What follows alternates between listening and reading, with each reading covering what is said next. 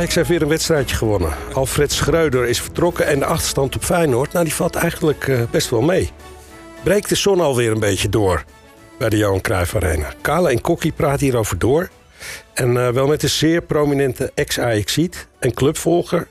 Eentje die gelukkig zijn mening niet onder uh, stoelen of banken steekt. Kale, Kokkie, welkom. We klappen hem nog niet meteen. Um, wie we in de studio hebben. Hoe omschrijven jullie onze gast? Kale. Oh, voor mij uh, gaat het, wij zijn leeftijdsgenoten ook nog. Dus uh, zonder die leeftijd prijs te geven. Maar uh, wij kennen elkaar uit, uit de periode, althans ik ken Kay uit de periode dat hij nog in de meer voetbalde. Ja. Toen kende hij mij overigens niet. En we hebben, we hebben later hebben wij ten tijde van de Kruifrevolutie, en dat staat me misschien wel het meest, meest bij, een, een 24 uurs uitzending bij, eh, bij AT5 gehad. Waarbij eh, Jelle de G toen voor, uh, voor de burelen van de arena stond. Sterven kou buiten. Wij zaten met Frank Kalas. met Theo van Duivenbode. nou, wij uiteraard, wij met z'n tweeën waren daarbij. En onze speciale gast was daarbij. Mooi. Dus daar, uh, daar gaan mijn herinneringen aan terug. Zonder die naam prijs te geven. Een speciale herinnering aan onze gast. Ja, het zijn degene wat Kale nu al gezegd heeft. En ja. gewoon een hele goede voetballer. Ja, een hele goede voetballer. Ik, ik zal mijn uh, persoonlijke herinnering doen. Ik was 15 jaar, ik zat in het Olympisch Stadion en het regende keihard. We hebben deze wedstrijd al eens eerder uh, genoemd hier. En um, het regende keihard. Jesper Olsen neemt een hoekschop. En het is een, eigenlijk een heel lullig boogballetje, die hoekschop. Die ploft op het hoofd van onze speciale gast. En die maakt er ook weer een lullig boogballetje van. In mijn herinnering in ieder geval, want ik zat achter dat doel. En die bal gaat er gewoon in. En de Feyenoordkeeper van dienst, Joop Hiele, die kon helemaal niks doen. En het was een belangrijke goal, want het werd 4-2. In een historische wedstrijd 8-2 gewonnen. Tegen Feyenoord ja, met, met Cruijff. Ja. En Gullit ja. in het elftal samen, jongens. Ja, de, de kennis moet u... gast hebt daar ook nog voetbal, hè? De kennis moet ja. u weten wie het is. Ja, de kennis weten wie het is. En ik ga het dan vragen. Kei Molenaar, welkom bij ons in de show. Uh, voelde dat ook als een lullig kopballetje toen je hem op je hoofd kreeg? Um, nou, wat mij heel goed bijblijft van dat moment... dat was de schreeuw van Joop Hiele. Ja. Want Joop die kon zo lekker ongenuanceerd schreeuwen en schelden. En toen die bal... Want ik stond tussen Van de Korput en Iwan Nielsen in. Ja, hè? Twee hele goede mannen, koppers, ja. ja. En ik ga omhoog en op een of andere manier leek het alsof ik door die twee een beetje omhoog geduwd werd ook. Ja. Omdat ze duel aangingen. En ik laat hem zo via mijn hoofd, laat ik hem, ik denk ik laat hem gewoon naar de lange hoek glijden. En hij gaat zo in. Ik zie die Joop nog, maar ik hoorde vooral zijn schreeuw. Godverdomme! Dat was echt op zijn Rotterdams ja. van... Ja, hij kon er echt helemaal niet bij. En die bal die ploft zo in zijn net. Ja, want Ajax kwam toen terug, hè? Dat nou, kwam snel voor. Ja. En kwamen 3-0 voor. Ja. 3-2. En, en, even daarvoor schoot Gullit, dat weet ik nog goed. Die schoot een bal op de lat. Toen dacht ik, de lat breekt. Zo hard. Zo hard was dat. Ja. En uh, dat was de 3-3. En toen in die tegenaanval kregen wij die corner. Ja. En toen viel 4-2. En toen was het verzet van Ajax of van Feyenoord in één keer gebroken. Ja, dus toen liepen we eroverheen als... Uh, ah, Jesper Olsen speelde Jesper toen echt een fantastische Marco, wedstrijd. Marco van Basten. En Van Basten. Ja. Allemaal lopjes en dingetjes. Ja, dat, dat was niet dacht, normaal. Toen, nou, ging het, uh, echt, uh, toen ging het helemaal los. 40 jaar geleden. Sinds 1983 was het. Daar komen we misschien nog wel op terug. Op jouw loopbaan als speler. we gaan eerst iets anders doen. Want 40 jaar na dato stonden wij hier net beneden. We moeten hem toch even noemen. Uh, en we kregen een prijs uitgereikt. En uh, we zijn uitgeroepen tot uh, voetbalpodcast, dus voetbalpodcast award winnaars 2022. In een bepaalde categorie, hè, de traditionele top 3. En dan moet Bart het straks maar wegpiepen. Feyenoord, PSV horen daarbij. En Ajax natuurlijk. En we hadden het niet verwacht, jongens. Nee. Zeker niet omdat je twee weken geleden nog op de vierde plaats stond. Daar waren we al ongelooflijk trots op. Omdat, ja, dat je eigenlijk van, van niks af aankomt. Ja. Dus je bent pas uh, koud vier, vijf maanden bezig. En dan uh, ineens uh, zie je jezelf terug op een vierde plaats in zo'n competitie. En dan denk je van, nou, wat is dit dan? Ja. En dan vervolgens gebeuren er hele rare dingen. Ja, hè? Ja, en dan krijg je ineens krijg je een schaal uitgereikt. En dat is de eerste van dit seizoen. Ja. Eerst Amsterdam. Ben ik nou enthousiast, ken je? Ik denk het wel, ja. ja, Kokkie, jij vindt het ook mooi, hè? We hebben natuurlijk de hele F-site op ons. eh, Tuurlijk is dat mooi. gegaan? Ik heb geen flauw idee wie er allemaal gestemd heeft. Maar het is mooi als je gewoon als twee supporters zijnde... Ja. die alleen maar over hun club praten en het beste met hun club willen. Dus ook als het slecht gaat met je club... Mhm. zijn wij niet altijd lief voor de club... of voor de mensen die bij de club werken en dat soort dingen. Maar dat doe je vanuit je Ajax-hart. Ja. En als je dan ziet welke mensen je achter je laat... ja, dan heb je zelf toch wel zoiets dat je denkt van wow. Ja. Ja.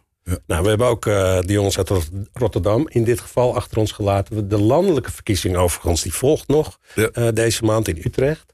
Ehm, maar ehm, die hebben we uitgenodigd. Hè? Dus daar gaan we binnenkort ook nog eens... met de jongens van de Dik voor elkaar podcast... gaan wij een eh, leuke podcast eh, maken. Nou, we willen het even genoemd hebben. Nou, is Feyenoord, ja. Er zijn, er zijn foto's online straks Ja. en eh, op de socials. Zeker. Dus eh, kijk daarnaar. We Ja. beginnen met een onderwerp, Kees. Waar van de week best wel wat eh, beroering over is ontstaan. Op een gegeven moment heb jij gezegd... onder voorwaarden, onder voorwaarden... kan Mark Overmars... of zou je kunnen nadenken over de vraag... of Mark Overmars op een gegeven moment terug zou kunnen keren eh, bij Ajax. Nou, daar is nogal verontwaardigd op gereageerd en enthousiast, want die reacties hebben we allebei eh, eh, gehoord. Wat was, om daarmee te beginnen, als jullie dat goed vinden, Kaal en Kokje, wat was jouw idee om dat op die manier te vertellen? Nou, mijn achterliggende motivering is dat ik hoop dat Ajax weer op het oude niveau terugkomt. Ja. En wat daarin sluit ik even aan bij Kale en Kokkie, om het maar zo te zeggen dan. Mhm. Ik hoop dat ik dat zo mag zeggen. Kijk, mijn kritiek, want dat hoor ik ook wel eens. Op het moment dat het slecht gaat met Ajax, ja, dan zie je alleen Kee Molenaar, eh, dan komt hij over Ajax. Ja, dat klopt. Mhm. Want dat, dan, dan wordt mij gevraagd wat ik ervan vind. Ja. En het enige wat ik wil, is dat het goed gaat met Ajax. Dat is. En op het moment dat ik zie dat het verkeerd gaat, net als toen eh, tijdens de fluwele revolutie, ja, dan laat ik van mij horen samen met nog een heleboel andere mensen, omdat ik wil dat het beter gaat. En als ik zie dat de dingen niet goed gaan, dan wil ik die aanstippen. Ja. Dus dat even als achtergrond. Dan over eh, dat eh, verhaal ten aanzien van Mark. Kijk, ik vind dat Mark heeft in zijn periode bij Ajax heeft hij echt het fundament gelegd voor het succes. Nou, die jongen is door vreselijke omstandigheden is hij vertrokken. Naar mijn idee te snel. En we zijn inmiddels een jaar verder. Hmm. We hebben geen onderzoek gehad. We hebben geen aangiftes gezien. We hebben geen vervolging gezien. Helemaal niks. En dan vraag ik mij af, als je nou, en ik weet, dat is niet woke hè, op dit moment, om het maar, om, om, om het maar eens zo, eh, zo te formuleren. En dat risico neem ik dan maar, want ik ben ook advocaat. En als advocaat ben ik ervoor om mensen altijd de tweede kans te geven. Ook als ze fouten gemaakt hebben. Ja, dan denk ik, is het nou niet mogelijk als je met die meiden, die dames van de werkvloer, hè, die dat destijds allemaal hebben aangezwengeld en terecht, hè, laat ik dat even voorop stellen. Als je daarmee gesprek aangaat om dat als mogelijkheid te bespreken eerst, zou dat kunnen, voordat je überhaupt de tocht richting Antwerpen maakt. Nou, als die meiden zouden zeggen, nou ja, als hij excuses aanbiedt en onder bepaalde voor. Kijk, die fouten zal Mark nooit meer maken. Die maak je volgens mij één keer in je leven en dan is dat klaar.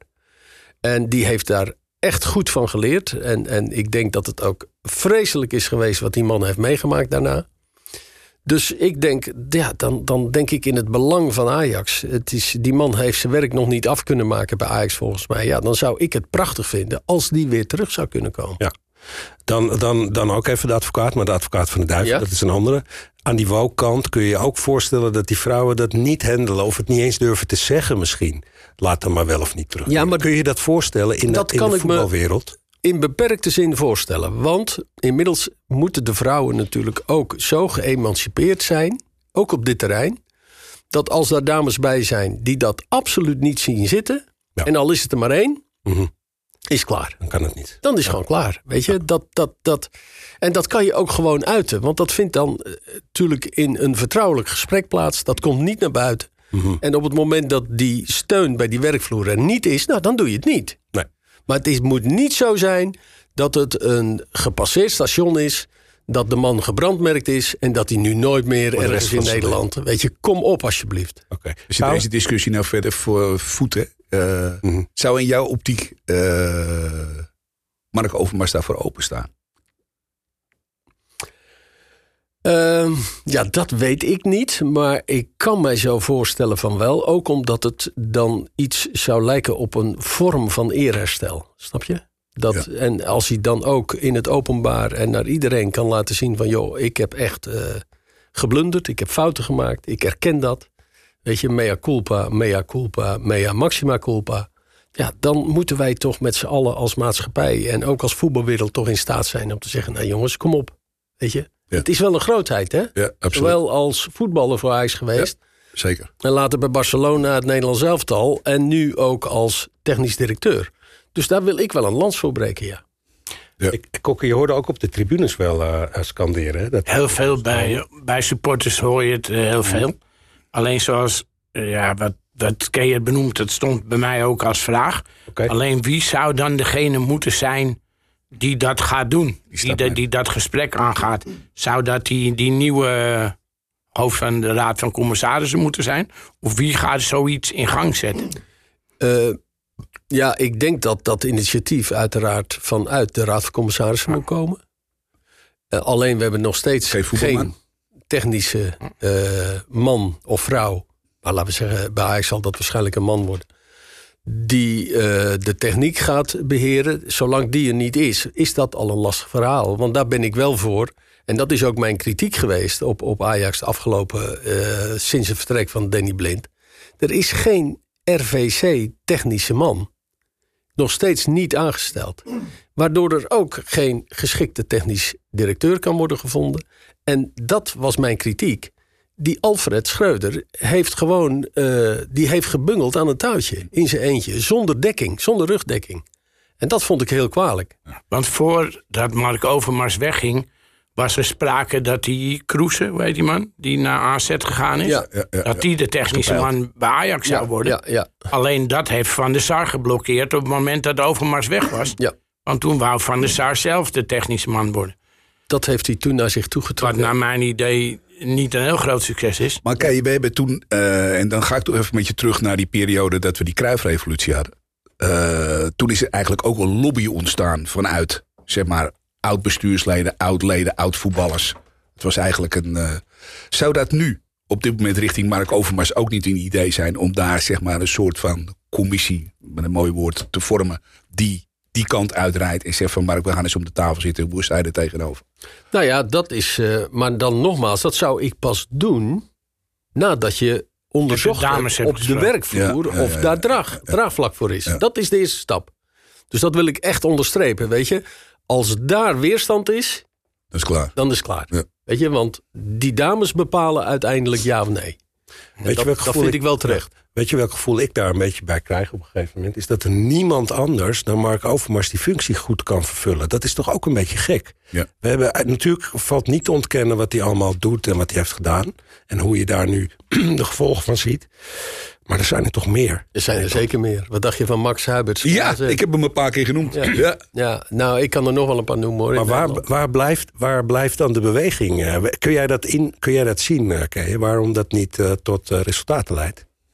Ehm, Het duurt zo lang. dat het zo lang duurt. Omdat er geen RWC-man zit. Dat is Toen hadden we doorslaggevend. Theo van Duivenbode, daarna hadden we Danny Blind. Prima, prima gasten. Maar wat ik eigenlijk zou willen voorstellen... Kijk, nu hebben we vijf RVC-leden. Ik zou willen voorstellen dat er twee van die vijf geoormerkt worden... dat ze technische achtergrond hebben. Want het is een voetbalbedrijf. Ja. Weet je, dat is hetzelfde waar wij nu met Volendam mee worstelen. Weet je, je hebt een bestuur en je moet zorgen in je bestuur dat daar, of het nou een RVC is of een bestuur, dat daar minimaal twee mensen zitten met voetbalverstand. Ja. En dat kan op allerlei manieren kan dat worden uitgelegd natuurlijk. Want wie heeft er nou verstand van voetbal? Iedereen heeft verstand van voetbal, zeggen ze. Maar dan bedoel ik mensen die ook in de kleedkamer in het betaalde voetbal hebben gezeten. Het klappen En het van liefst mensen die nog in de top weet je, iets hebben betekend. Dat is het allerliefst. Wat mij verbaast eh, in, die, in die hele discussie die we de afgelopen maanden eigenlijk al gehad hebben, is dat je dat Leen Meijaard als voorzitter van de RVC afscheid neemt. Dat je eigenlijk in staat bent om binnen afzienbare tijd eh, een Pier Eringa eh, binnen te halen als, als nieuwe voorzitter van het RVC. Maar dat je dus schijnbaar in al die tijd die er, die er geweest is, niet in staat bent geweest om een technische man binnen te halen. Terwijl je heel lang weet dat Danny Blind het niet zou gaan doen. Ja.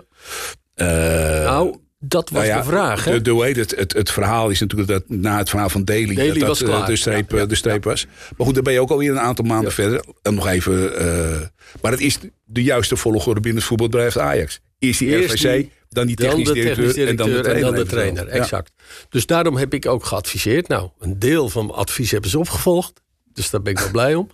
Maar ik heb gezegd, zet dan in ieder geval voorlopig Johnny Heitinga neer. Weet je, al dan niet gesteund door een ervaren trainer. Weet je, laat Johnny, want we hebben dat toen ook gezien met Frank de Boer. Frank is toen, eh, laat ik zeggen, neergezet vanuit de opleiding. Dat doen we nu met Johnny ook.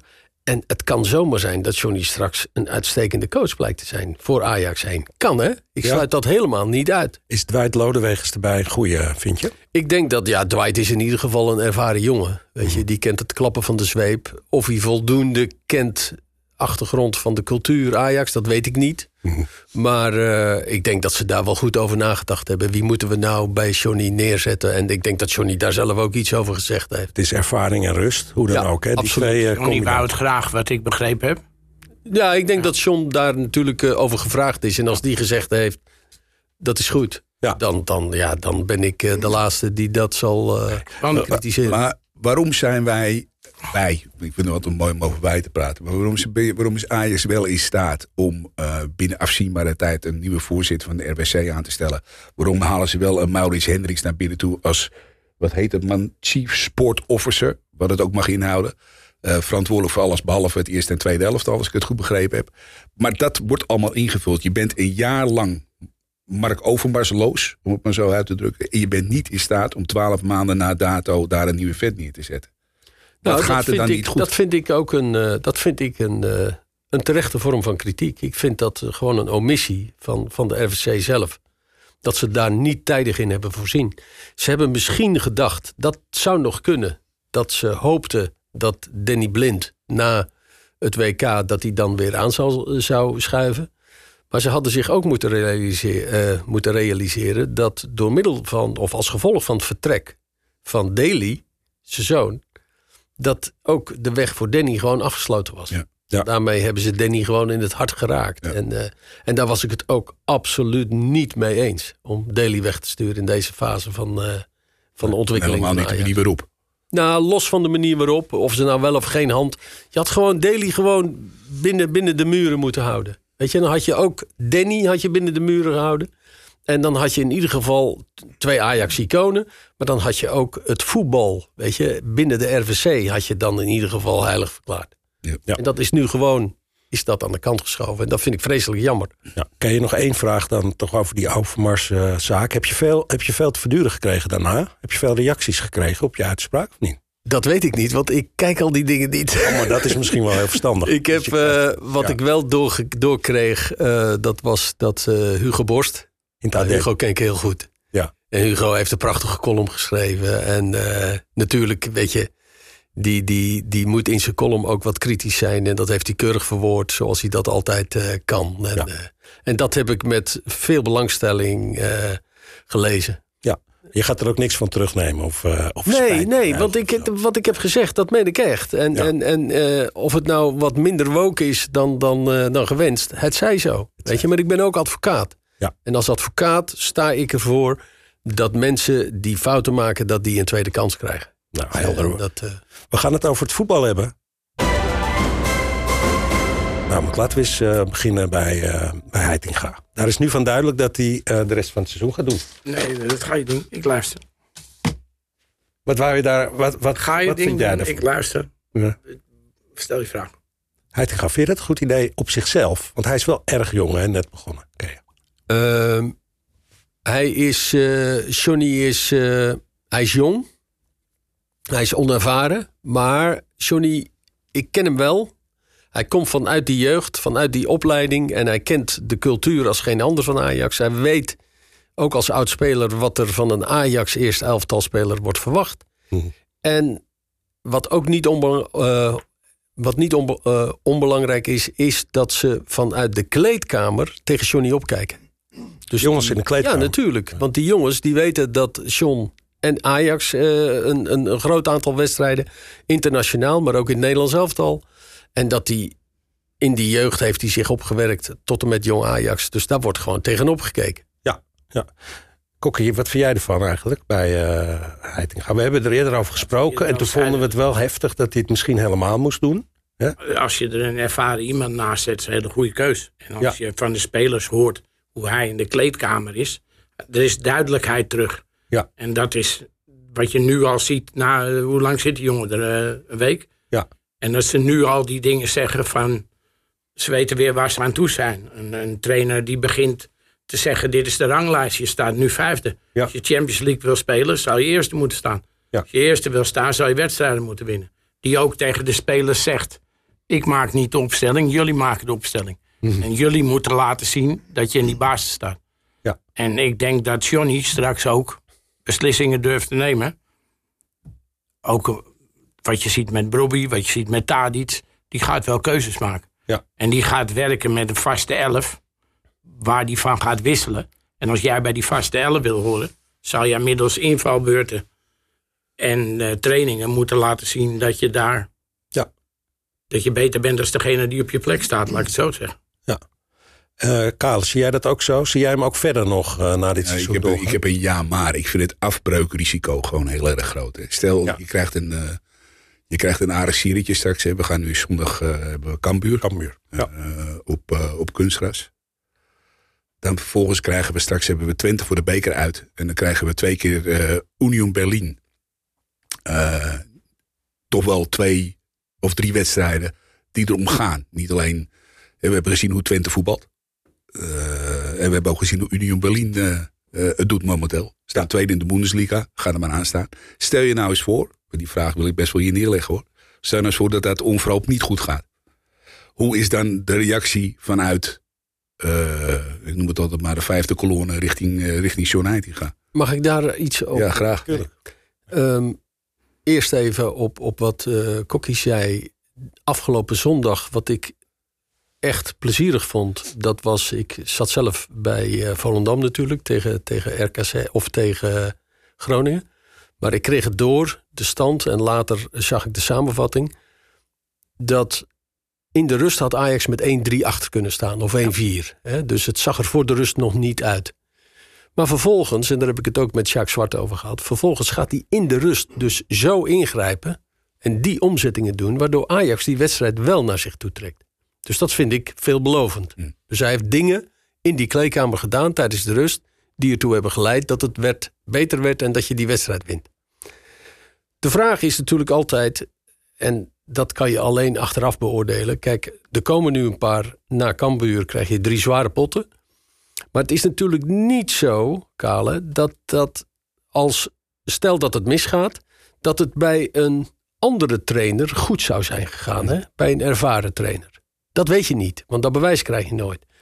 Kijk, en ik denk dat eh, Ajax is erg ver afgezakt, vind ik, dit seizoen. Voetbaltechnisch gezien. En, en, en dat, dat meen ik serieus toen ik ze tegen Twente zag. Toen schrok ik me echt helemaal het Lazarus wat ik zag. Ja. En eh, vooral dat eerste al- half uur toen ze nog met elf, met elf spelers waren. En als ik dan, ja, als ik zie wat John nu al, weet je, in die kleedkamer en op dat trainingsveld voor elkaar krijgt. Ja, je zal niet binnen de kortste keren weer op het niveau van een paar jaar geleden zitten. Dat, dat gaat een tijd duren. En dit zijn ook wedstrijden die ook in goede doen, doen kan je die verliezen. Twente uit en Zeker. een strijd met Union Berlin op dit moment. Ja, dat kan alle kanten opvallen. Dus Ik- het is ik niet denk- zo dat daarmee, laat ik zeggen, dat je Johnny daarmee... Nee, daarom bedoel ik ook die vijfde kolonne. Daar Ja. bedoel ik ook mee de Ja, achterban. maar Daar ik denk dat hij ook- wel steun krijgt van eh, zowel van, van, van de supporters, hè, de echte Ajaxiden allemaal. Zeker. Want die, die, die zijn dol op Johnny. En die steun krijgt hij. En ik denk ook dat hij de steun wel voelt van alle mensen die vanuit die verschillende geledingen en vanuit die verschillende kolonnes die altijd bij Ajax zijn. Ja, iedereen draagt Johnny gewoon een warm hart toe. Dat weet ik zeker. Klinkt klink misschien heel raar, hè? Maar misschien kan je die wedstrijden beter wel niet overleven, laat ik het zo zeggen. Niet, niet winnen. Dat hij zich daarna volledig op de competitie, volledig op kampioenschap kan richten. Dit Ajax gaat toch de Europa Cup niet winnen. 100% niet. En als jij dan vijf dagen in de week gewoon kan trainen En je kan richten van competitiewedstrijd tot competitiewedstrijd. En de rest hebt nog wel die druk. En je kan gewoon eind van de rit bovenaan staan en die schaal pakken. Ik denk dat dat misschien nog wel veel beter is.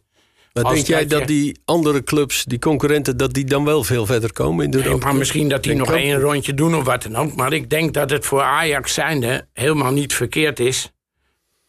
om je eens een jaartje volledig op die competitie te richten. Nou, dat, Want je hebt nog wel een achterstand die je ja, in maar dat ben ik niet met je eens, Kokkie. En waarom niet? Omdat succes op het veld, en in welke vorm dan ook, dat werkt stimulerend. Snap je? Dus als jij erin slaagt met Ajax 1 om Union Berlin uit te schakelen, want dat is toch een, dat is echt een hele lastige tegenstander. Zeker. Ja, dat geeft die jongens een enorme push. En ook de trainer, hè? Dus vergis je niet. Dus ik, nee, daar ben ik niet met je eens. Ik zou echt hopen dat Ajax de volgende ronde haalt. En, Ja, en, en, nog verder komt. En, en, want dat geeft die jongens gewoon het vertrouwen weer. Van hé, hey, we kunnen wedstrijden winnen, ook op internationaal niveau. En ook de trainer, Johnny, krijgt dan vertrouwen van ik doe iets goed. Ja. Wel als je eruit dondert. Ja, zo moet je eigenlijk ook van Twente winnen, toch? Uit. Dat zou helemaal lekker zijn. Ja, maar Twente uitwinnen is ook als je heel goed bent een hele zware, hele zware Zware missie. Ja, ja, dat is gewoon zo. Dat is, hebben we gezien eh, afgelopen zondag. Twente en Feyenoord. Dat Ja. is een, Ja. een, een, een- echt een geweldige pot van, van twee goed voetballende ploegen. Ja. Dus ja, als je daar, eh, als je daar succes boekt, eh, dat zou echt fantastisch zijn. Als jij kijkt naar de huidige, huidige selectie van Ajax. Als je kijkt naar eh, vanuit jou, ook vanuit je, je, je verdedigersloopbaan, zeg maar in het verschil in het verleden. eh, zou je kiezen voor, eh, voor een Bessie achterin? Of zou je kiezen voor Wijndal? Om maar eens wat te noemen. Nou, ik zou sowieso voor Wijndal kiezen aan die linkerkant. Ja. Als je voor Bessie kiest. En ik merk dat Bessie. Kijk, ze hebben Bessie natuurlijk. Vorig jaar hebben ze hem goed beoordeeld daar bij Glasgow. En daar heeft hij gewoon goede wedstrijden gespeeld. En daar is hij op geselecteerd. Daar ga ik vanuit. Alleen ik merk dat hij in deze omgeving bij Ajax onder enorme druk staat. Dat zie je aan die jongen, aan zijn hele lijf. Dat staat helemaal stijf. Spanning, hè? Er staat Ja, grote staat spanning op. stijf van de stress. Jongen kan niet eens normale sprint trekken, want zijn hele lijf gaat, gaat, dat beweegt gewoon heel houterig. Terwijl hij dat vorig jaar bij Glasgow niet had. Maar ze hebben hem ook gehaald als linker centrale verdediger. Ja, exact. En niet als, Dus- niet als ja. linksback. Nou, daar zou ik hem sowieso neerzetten als ik hem zou opstellen. Dat is links centraal en niet meer aan de linkerzijkant, want dat kan hij gewoon onvoldoende. En je moet hem even de tijd geven, hè? want wij denken dat een speler halen, dat het dan zo is dat die speler meteen in een nieuwe omgeving dezelfde prestaties kan leveren als die hij leverde bij zijn vorige werkgever. Dat werkt niet zo. Je moet mensen de tijd geven om te kunnen acclimatiseren, letterlijk hè.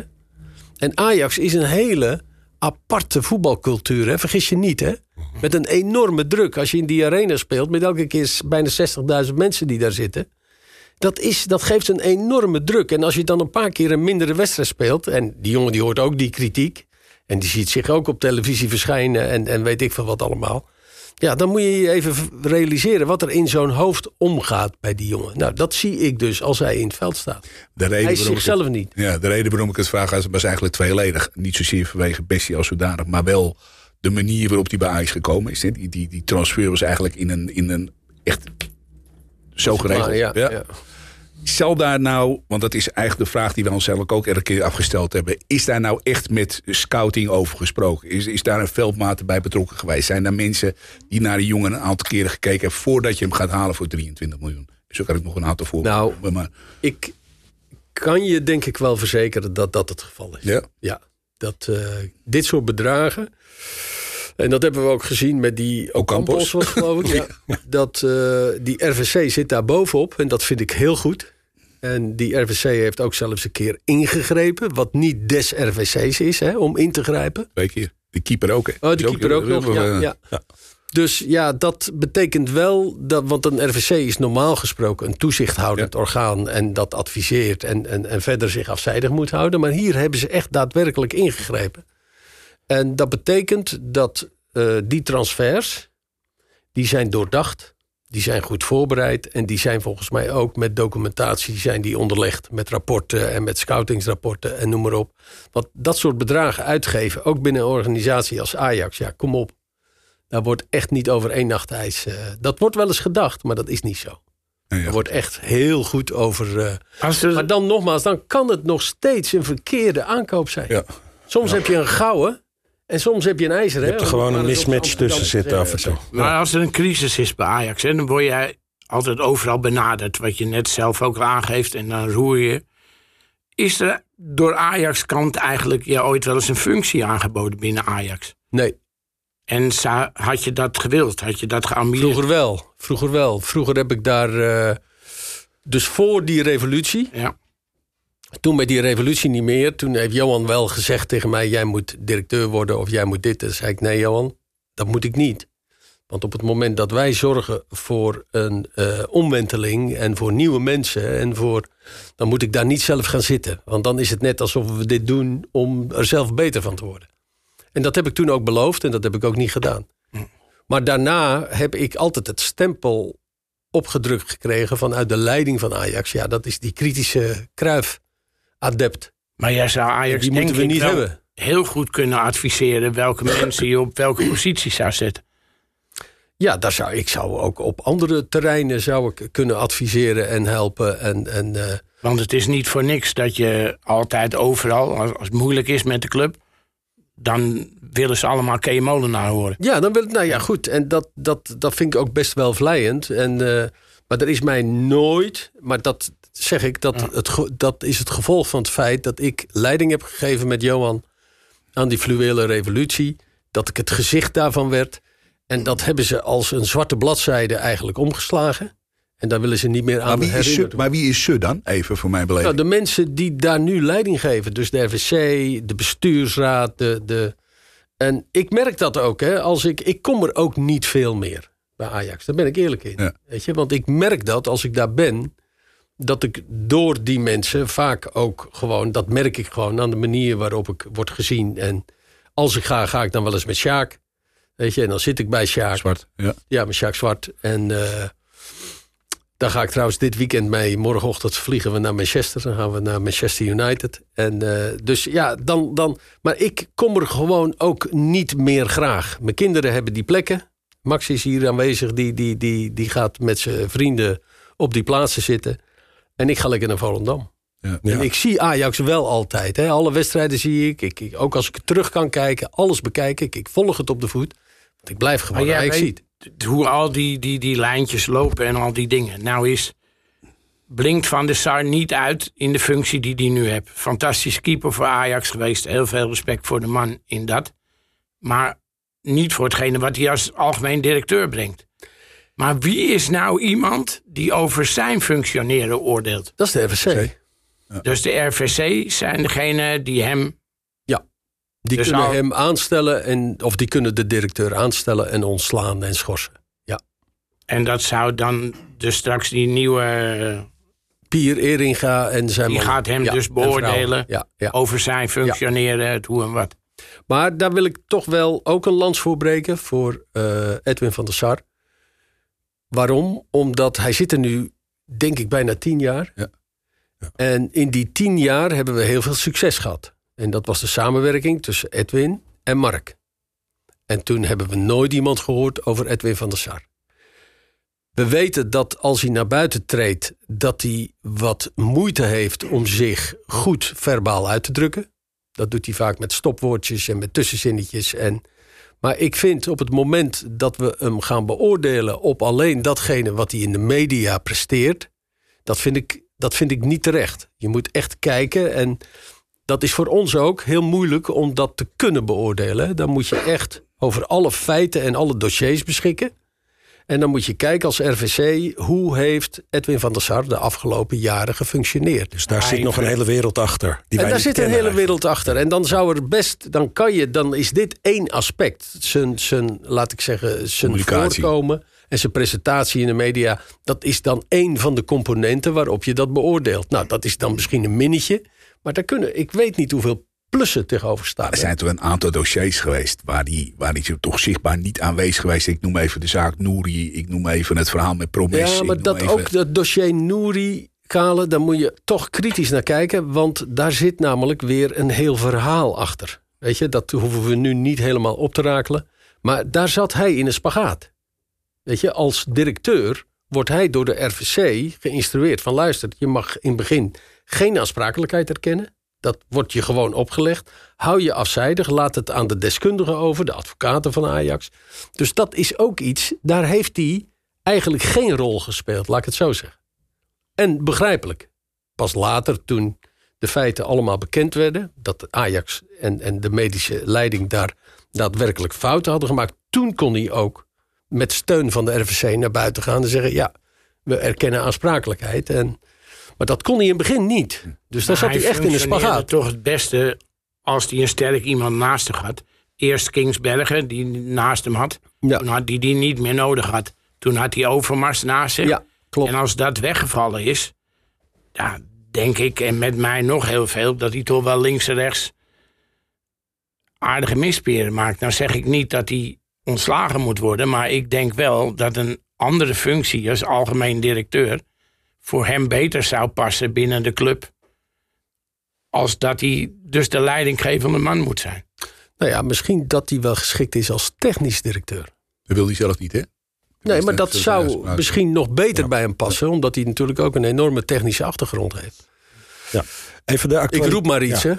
hè? Kijk even de actualiteit en de andere. eh, Jullie zijn alle drie met een K. We kunnen ook K3 zeggen. Dat is een beetje vervuilend. Dat gaan we niet doen. H2 hebben we al gehad. K3. Eh ken je Kale en Kokkie? Eh, die transferwindow van eh, afgelopen weken. Die is voorbij. Er is niks, eigenlijk niks gebeurd. Er is een 17-jarige jongen aangekocht. Roelie? Leuk voor later, denken we dan. Is dat nou om eh, de rust terug te brengen? Vooral, denk je, Kay, om even Denk niet. ik. Ja, ja. Ja, hè? Ik zou, om eerlijk te zijn, als ik in die positie had gezeten, nu als technisch directeur, had ik ook even de rust bewaard. Want Ja. eh, het is nu eigenlijk kijken van wat hebben we en wat kunnen we houden. En dan doorselecteren naar volgend jaar. Want eigenlijk, het is een beetje lullig om te zeggen, is dit een overgangsjaar. Ja. Zo beschouw ik het voor Ajax in ieder geval. Ja. Als we kampioen worden, wat ik niet verwacht. Maar stel, dan is dat een meevaller. Ja. Als we het wel worden, fantastisch. Maar als we het niet worden, is het, eh, is het ook niet erg. Want dan moet je dat gewoon zien in het kader van een transitie naar de toekomst toe. Ja, Maar is mooi als jij eh, praat over, eh, over we ook, hè, nog steeds. Hè? Als we, Ja, als we, ja, als ja, we- maar ja. als we Vind je het gek? Dus dan, dan, dan, maar dan, dan is de vraag, en ik denk dat iedereen erop zit te wachten, en ik ga hem je toch stellen. eh, is gezien jouw hele betoog van, van, van wat je net gedaan hebt. eh, stel dat Ajax vandaag, morgen belt. Is die deur echt voor jou dicht? Of zeg je van, daar ga ik er wel over nadenken? In welke rol dan ook, hè? Ik zie Max kijken. Max, zie je kijken? Nee, kijk, ik zeg nooit nooit. Hè. Dat, dat, daar ben ik eerlijk in. En ik ben, ik ben Ajaxiet. En eh, kijk, op dit moment is voor mij Volendam nummer één. Dat begrijpen jullie heel goed. Hè. Dat, eh, en eh, ik volg Ajax met, met argusogen. Hè. En weet je, en ik, ik, ik, ja, ik ben net zo fanatiek als die, als die twee gasten van me. Maar ja, dat, dat, ja, ik kan daar nu wel antwoord op geven. Maar dat heeft toch geen zin. Want ja, er komt niemand. Nee, stel nou maar stel nou eens dat het wel is. Dan zou je dus niet per definitie nee zeggen. Eh, ja, Stel in de RV een technische functie binnen de RVC. Want in feite is dat geen fulltime verhaal. Nee, dat, dat klopt. dus dat, is een, dat eh, zou je er mogelijkwijs ook naast je vicevoorzitterschap van Volendam naast kunnen doen. Nee, dat kan niet. een gekkigheid. dat kan niet. Nee, is dat volop, eh, volle bak? Nee, nee, nee maar dat kan niet. Dat kan niet. Je kan maar nee, één... het is gewoon verstrengeling van belangen in Ja, de dat kan niet. Dat kan niet. Je Ja, ja, kan volgens de reglementen van de KNVB kan je maar bij een club één Ja. of bij één club kan je een positie eh, bekleden en niet. eh, dat gaat niet. Als als ze gedegradeerd zijn misschien, K. dat hoopt hij niet. Dat hopen we natuurlijk ook. Nee, nee, nee. nee. Nee. Wat zei je wel? Ik hoorde. samenwerkingsverband aangaan. Dat we jonge Nou ja, spelers, dat- hè, ja. Dat is iets, Dat maar die dat- naar Volendam gaan en dan... Maar dat zou ik eh, op termijn is dat wel iets wat ik. Want we zijn het kleine broertje hè, van, van, van, van Ajax. Dat hebben we gemerkt. Dat, dat wij- En eh, dat, zou ik wel, eh, dat zou ik wel ambiëren om een, eh, een goed samenwerkingsverband. Want wat ik. En ik zal ook uitleggen waarom.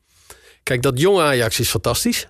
Weet je, als opleidingslaatste station voor de opleiding. Maar tussen jong Ajax in de KKD en het niveau wat Ajax nastreeft in het eerste, dat gat is te groot. Ja. Dus je moet echt buitengewoon getalenteerd zijn. Wil je die sprong in één keer kunnen maken? naar het eerste van Ajax. En dan heb ik het niet over het niveau waar Ajax nu op zit. Hè. Dan heb ik het over het niveau wat Ajax had vier, vijf jaar geleden. Dat je overwinterde in de Champions League. Dat niveau tussen KKD top en, en dat niveau, dat is te groot. En dan zou een tussenstation bij een eredivisieclub... Ideaal zijn. in plaats van de KKD, dat zou ideaal zijn. Ik vond en het daar dan wel prettig om te zien trouwens... toen je zag dat Rens aangeslagen was... dat Jury Regeer van de bank gestuurd werd Ja. in plaats van Sanchez. ja. En dat Heidinga meteen bam... jonge waarom die Ja, loopt. maar hij kent ze ook heel weg. goed. Hè? En dat vind ik ook het voordeel om, om Johnny neer te zetten. Daarom was ik daar zo'n voorstander van. Hij kent die hele opleiding. Hij kent al die jongens van jong. En hij kan die jongens ook op de juiste waarde schatten. Ja. Weet je, van wie kan dat wel, wie kan dat niet. Dat weet hij als geen ander. Dat weet hij nog beter waarschijnlijk dan Alfred Schreuder. Die zich altijd geconcentreerd heeft op het eerste. Nou, zijn ze ook niet eh, een tijdje te voorzichtig geweest met het laten doorstromen van eh, Ajax-talent naar het eerste? Nee, niet, daar ben je niet te voorzichtig mee. Nee? Want daar moet je voorzichtig mee zijn. Weet je, want je kan ze ook afbranden. hè. Dat ze Er meteen een- kapot Waar gaan. je het net over had met afbreukrisico. En, eh, en vooral als een eerste elftal moeizaam draait.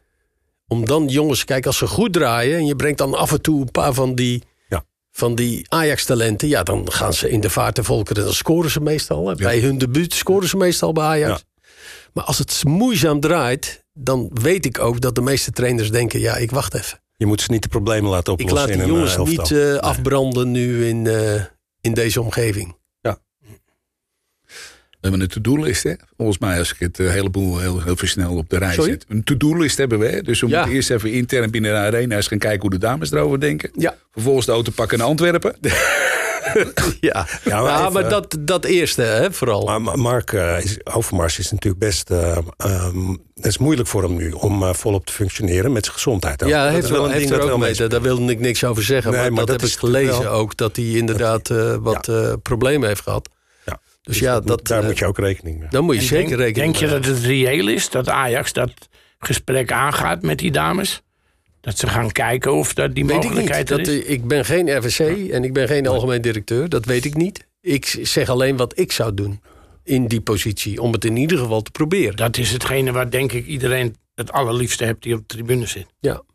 Vanuit, de, vanuit de fans is dat echt ja, een duidelijk. Ook omdat er nog niks eigenlijk naar buiten is gekomen van wat er nou daadwerkelijk wel is gebeurd. Nou ja, wat ik, wat ik dan uit wel ingelichte bron heb begrepen... dat is dat hij fysiek in ieder geval niet over de schreef is gegaan. Dat het is gebleven, hoe erg ook, hè, bij mails of eh, apps en, Ja. en, en eh, pics en weet ik veel wat allemaal. Ja. En dat is natuurlijk op zich. En er was ook een, een sfeer ontstaan binnen de club die, laat ik zeggen, wat losbandig was. De sfeer onderling. En nou ja, daar hebben ze nu in ieder geval, dat hebben ze helemaal gerepareerd. Ja. En misschien dat er in die omstandigheden, die gewijzigde omstandigheden, dat er ruimte is voor een terugkeer. Maar ik heb in ieder geval begrepen dat die fysiek, handtastelijk of dat soort dingen is hij nooit. Dat is er nooit aan de hand geweest. Heb ik gehoord dan. Uit wel ingelichte bron. Oké. Vooruit kijken, toch. Dat doen we elke keer. Cambuur, ook een eh, ploeg die het niet makkelijk heeft eh, gehad. Volgens mij de afgelopen weken. Nieuwe trainer. Eh, Gevaarlijke wedstrijd. ja, vertel eens Kay, wat, wat denk je, waar denk je aan als je vooruit Nou, kijkt? ik vind, want de Cambuur verloor met 1-2 van Fortuna Sittard. Mhm. Ik heb die wedstrijd gezien. En dat had ook de andere, kant, kant op kunnen zijn. En ik vond Cambuur, nou viel, wel eh, tw- twee belangrijke spelers mis Cambuur. Dat is die Jacobs en die Hoedemakers, Mees Hoedemakers. Ik weet niet of die al fit is weer. Maar als die twee fit zijn, dan gaat Ajax een zware wedstrijd tegemoet op kunstgras. En ja, die dat kunstgras nieuwe- weer, hè? Die twee nieuwe spitsen die ze gekocht hebben, zijn allebei nog niet fit. Nee, die, maar goed, de, de- maar nieuwe spitsen die je koopt, die kan je er ook Nee, niet maar ik meteen... bedoel, eh, die, die zijn nog geblesseerd. Ja, maar die kan je ook Die niet, hebben eh, geloof ik 10 minuten gevoetbald in. eh, Maar als Jacobs en Hoedemakers meedoen, spelen. En ik denk dat Hoedemakers het wel haalt, maar Jacobs denk ik nog net niet. Want die had een spierblessure. Dan, als ze wel meedoen, dan, dan wordt het gewoon een zware pot voor Ajax. Ja, maar het is op dat kunstgras. Dat, eh, Een ploeg die eh, op zoek is ook naar een soort eerherstel na Ja. moeilijke weken. Dus die gaan er vol voor. Eh, wat denk jij, Kale? Cambuur? Nou, ik, ik, denk, ik denk dat we die lijn van die tweede helft tegen Excelsior wat doortrekken. En ik heb, wel, ik heb daar wel een goed gevoel over. Ik ook. Ik, ga, ik, ik denk dat 4-5-0 Ajax wordt. Wat heerlijk. Wat is positief af te Nee, maar Nou de jongens, ik, eh, deze jongens die willen zich nu Ja, bewijzen ook. voor, Ja, voor, eh, voor Heitinga. Ja. Want je wil, als je nu speelt, dan wil je wel even laten zien dat je erin hoort. Dus Mhm. ik denk dat jongens als een Bergwijn en een Kudus... Nou, met alle respect voor de verdedigers van Cambuur... Maar, Nee, maar kijk, kijk die dat gaan vond dat ik. niet tegenhouden. Dat heb ik. Ik heb eh, Alfred heb ik gevolgd op de voet, Alfred Schreuder. En ik heb hem gesteund tot het laatste moment. Maar wat ik niet begreep, dat was dat hij die Kudus niet elke wedstrijd gewoon in de basisopstelling had. Dat kon ik echt niet begrijpen. Waar zou je hem neerzetten? Ach, gewoon op middenveld, op 10. ja. Weet je, gewoon echt. Dat is, en hij kwam tegen Volendam erin. En toen zei ik tegen mevrouw, oh nee hè. Want toen stonden wij 1-0 voor. Ik zeg nou, ik zeg 100% dat die Kudus, die gaat in ieder geval de gelijkmaker erin kegelen. Als dat je- gebeurde ook. Als je Johnny een beetje hoorde in die gesprekken... dan denk ik dat Johnny hem wel eens rechts buiten kan gaan zitten. Kudus. Ja. Nee, ik, ja. Je dat hij het in het middenveld het is een, te gevaarlijk vindt... omdat het dan steeds open komt te liggen. ja, maar op 10 niet. Als hij dicht, kijk, als je met Tadic in de punt gaat spelen en met Kudus erachter, ja, dan dat, dat is bijna niet te verdedigen. Dat is niet te En verdedigen. dan heb je nog twee plekken over op het middenveld. Eentje daarvan is Alvarez. Hm. En dan heb je... Nou, ik zou Alvarez in het centrum zetten. Ik zou Alvarez niet meer op middenveld zetten. en, en, maar daar zou je ook Bessie zetten, zeg je net. Nee, nee. Als je Bessie Oh, oké, opstelt, je zei oké. dan nee. je zou nee. Alvarez Timber laten Ik zou staan. Bessie eerst even gewoon een half jaar met rust laten. En Alvarez laten- Timber laten staan daar. Misschien 20 minuten Dat zou ik doen. Die zou ik in het centrum laten staan. Rens rechts en eh Kudus op 10. Nou ja, en dan afhankelijk van de vorm. Natuurlijk vind ik dat Berghuis moet je altijd laten spelen. Maar die zou je aan die rechterkant kunnen laten hangend spelen. Taylor. Klaassen. Klaassen. Taylor of Klaassen misschien. Ja? Taylor, Dat ja moeilijk. een, eh, Weet je, dat ja. is dan afhankelijk van wie er in vorm is. En, en, en, en eh, wie. Maar die as, die zou ik gewoon laten staan. Eh, weet je, Tadic daar en, en dan Bergwijn links. En Berghuis aan die rechterkant hangend. En dan heb je Conceição, hè, die er ook aankomt. Dus als die rechts speelt, dan zou je Berghuis weer op middenveld kunnen zetten. Want ik vind Klaassen en Taylor steeds opstellen naast elkaar. Vind ik niet sterk genoeg. weet je, ik zou zo één van de twee. Ja, en, Ze lijken ook een beetje op elkaar in speelstijl. zijn, ja, en Klaassen heb je, ik vind Davy goed, hè, maar dan moet je vooral in de 16 terechtkomen. Veel. Dus in thuiswedstrijden, als je de tegenstander vastzet, in, die zet je onder druk. Ja, dan is Klaassen goud waard in de 16. En Hij is Tadic altijd bij de geef je voorlopig de voorkeur boven Brobby. Sorry? Tadic geef je Ja, voorlopig ja de voorkeur zeker. boven. Ik, vond, ik vind, ja, ik, Robbie heeft te weinig gebracht, vind ik, tot nog toe. En eh, je zag het ook bij die goal van Ajax afgelopen zondag bij Excelsior. Dat Tadic in de 16 aanspelen. Ja, die is bijna niet te verdedigen. Bal vast. Houdt de bal vast. Zo balvast. Hij zet zijn En dan erin. kan die Ja. Kudus erbij komen. Of de middenvelder kan erbij komen. En Maar ook in grotere wedstrijden. Want dit was met alle respect tegen Excelsior. En dat is ook, met, ook in de grotere ja, wedstrijden. dat Tadic- heeft hij toch in de, in de Europa Cup Ja, zeker, maar het was twee jaar geleden. Met, met, Ja. met Ten Hag. Ja. Stond hij in de punt. Ja, dan vond ik hem echt fenomenaal. Weet je, hoe hij in de bal komt, hoe hij hem afschermt. Hoe hij, en hoe hij de rest dan naar zich toe, toe lokt. Ja, vind ik echt knap. Want dat is de spits hè, van Ajax, vind ik.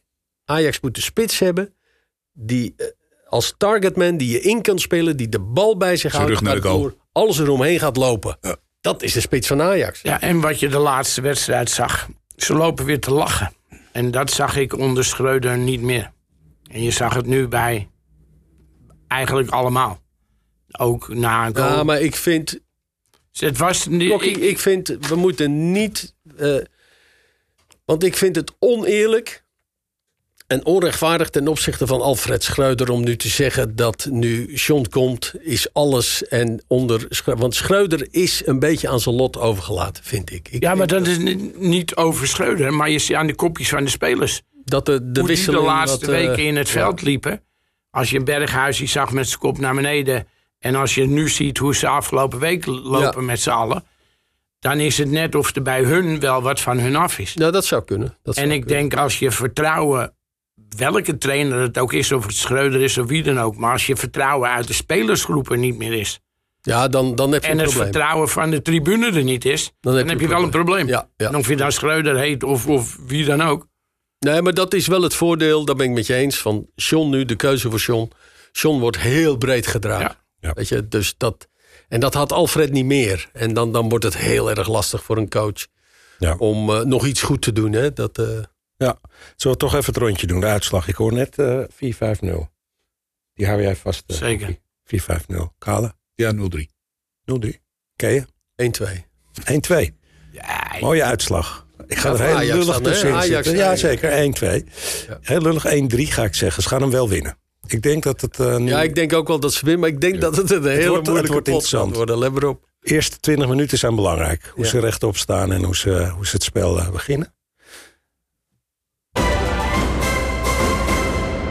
Kees Molenaar, heel veel dank dat je zoveel tijd voor ons wilde nemen. Ook Max Molenaar, bedankt dat je erbij wilde zijn. Want zijn Nou ja, zoon Max heeft mij eh, min of meer ertoe aangezet. Hè? Ja, ja, want hij was ik fan kende het programma niet. Nee, en, nee. maar ik ving wel eens wat op als Max dan luistert. En dan zeg ik, Max, wie is dat? Dan zegt hij, Kale en Kokkie, ken je die niet?